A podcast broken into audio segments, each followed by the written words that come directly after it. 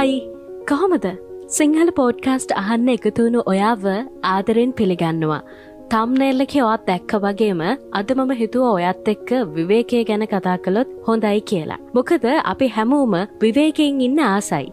මහන්සි වෙලා කරන පැටකටයුතුවලින් ටිකක් ඈත් වෙලා ශරීරයට වගේම මනසට විවේකයක් දෙන එක අත්‍යවශ්‍ය කාරණයක්. මිනිමලිසම් අනුගමනය කරන අයනන් ගොඩක් තුරට විවේකීව ඉන්න උත්සාහ කරනවා. මිනිමලිසම් ගැන අධ්‍යයනය කරන කෙනෙක් නං ඔයා මේ වීඩියෝ එක ඔයාට ගොඩක් වටේව කියලා හිතනවා. ඉතිං මේ තරම් මිනිස්සුන්ට අවශ්‍ය මිනිස්සු හොයන විවේකය පලදායි විදිහට ගත කරන්නේ කොහොමද. විවේකයේ වටිනාකම මොන වගේද කියන එක ගැන අද අපි සිංහල පෝඩ්කාස්තුලින් කතා කරමු. අපි විවේකෙන් කාලය ගත කරන එක ජීවිතයේ දියුණුවට බාධාවක් විදිහටයි දකින්නේ. ඒ නිසා අපි හුඟක් වෙලාවට අපි අපිට ලැබෙන විවේකය කල්දානවා.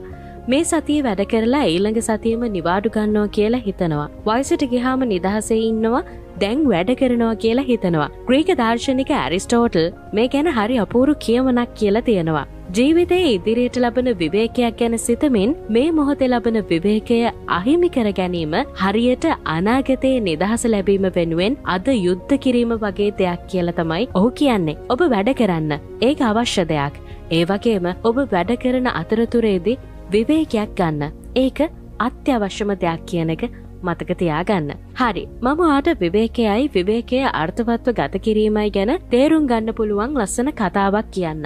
ඔන්න ගස්කපන සේවකයෝ දෙන්නේ හිටියා. මේ දෙන්නට දවස අවසානයේ වැටුප හිමි වෙන්නේ කපන ගස් ගානට අනුව. එක් සේවකෙක් දවස පුරාම එකම විවේකයක්වත් ගන්න නැතුව ගස් කපනවා. තවත් සේවකයෙක් හැම විනාඩි දහයකටම සැරයක් විවේකයක් ගන්නවා. දවස අවසානයේ කපන ලද ගස්ගාන බැලුවම අර විවේකයක් නොගෙන වැඩ කරන කෙනාට වඩා වැඩිපුර ගස්ගානක් කපල තියෙන්නේ අර විවේක ගනිමින් ගස් කපපු කෙනයි. ඉතින් මේ ගැන දවස් කේපයක් බලං හිටිය.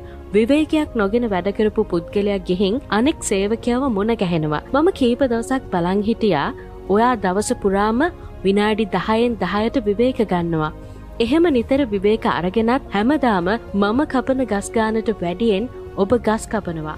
මම දවස පුරාම එක්කම විවේකයක් ගන්න නැතුව වැඩ කළත් මම කපන්නේ ඔබට වඩා අඩු ගස් ප්‍රමාණයක්. කොහොමද එහෙම වෙන්නේ. එතකොට අර නිතර විවේක ගන්න පුද්ගලයා මෙහෙම කියනවා. ඔවු මම නිතර විවේක ගන්නවා. ඒක මට ඊළඟ මොහොතේ හොඳ ජවයකින් වැඩ කරන්න උදව්වෙනවා. ඒ වගේම ඔබ දැක්කේ මම විවේකේදී ගස් නොකප ඉන්නවා කියලා විතරයි. හැබැයි මම මගේ විවේකේදී මගේ පොරව මුවහත තියෙනවා ඔබ දැක්කෙ නෑ නේද. මම හිතන්නේ ඔබටත් විවේකයක් අවශ්‍යයි. ඔබේ පොරව මුවහත් කරගන්න කියලා ඔහු උත්තර දෙනවා.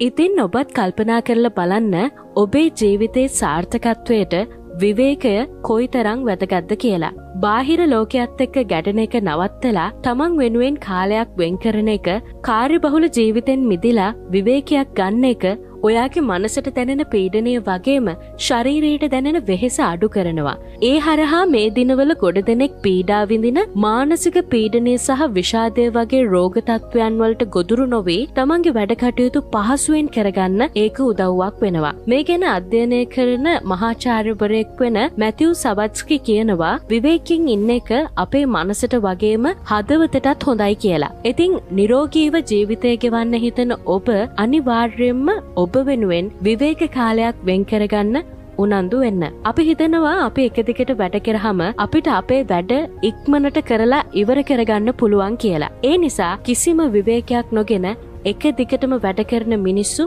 අපි අතර ඉන්නවා. ඔයත් සමහරවිට එහෙම කෙනෙක් වෙන්න පුළුවන්. හැබැයි මතක තියාගන්න එක දිගටම අපි වැඩ කරද්දි අපේ වේගය බාල වෙනවා. අපේ තියෙන නිර්මාණාත්මක බව අඩු වෙනවා. අපිට අපේ උපරිමය කරගන්න බැරිවෙනවා. අපි අතින් සිද්ධ වෙන අඩුපාඩු වැඩි වෙනවා. වැඩේ කරන එකයි වැඩේ හරියට කරන එකයි කියන්නේ දෙකක්.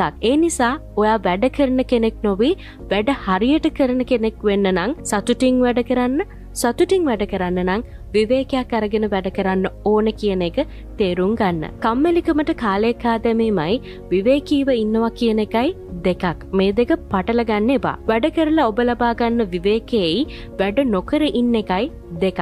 ඒ දෙක පැහැදිලිව තේරුම් ගන්න. දකින හීන හැබෑ කරගන්න වැඩ කරන්න හැබැයි ඔයාටම ඔයාගේ හීන එපා වෙන තරමට වැඩ කරන එක කරන්න යන්නත් එපා. ඕනම දෙයක් ඕනවට වඩා ඕන නැහැනේ ජීවිතය කියන්නේ සතුටින් ඉන්න එක. සතුටින් ඉන්න එකයි වැදගත් වෙන්නේ. මිනිමලිසම් තුළින් අපි පුහුණු කරන්නේ ඒක. ඒ නිසා ඔයාගේ ජීවිතයට අවශ්‍ය සතුට හොයාගන්න වැඩ කරන අතරතුරේ ටිකක් නිදහසේ ගත කරන්න වාට පහසු වෙලාවක් අනිවාර්යම වෙන් කරගන්න. හැමදාම එකම පාරිදුවන බස් එකක් වගේ උදේට පිටත් වෙලා හවසට ගෙදරෙන ජීවිතයට වඩා සතුටින් ජීවිතය දිහා බලන්න විවේකය කියනද හුඟක් වටින බව මතකතියා ගන්න. මේ වගේ තවත් වීඩියෝ බලන්න සිංහල පෝඩ්කාස්ට් YouTube චැනල එක සබස්ක්‍රයිබ් කරන්න. වීඩියෝ දාපු ගමන් බලන්න ඒ ළඟම තියෙන බෙල් අයිකන්න එක කලික් කරන්න.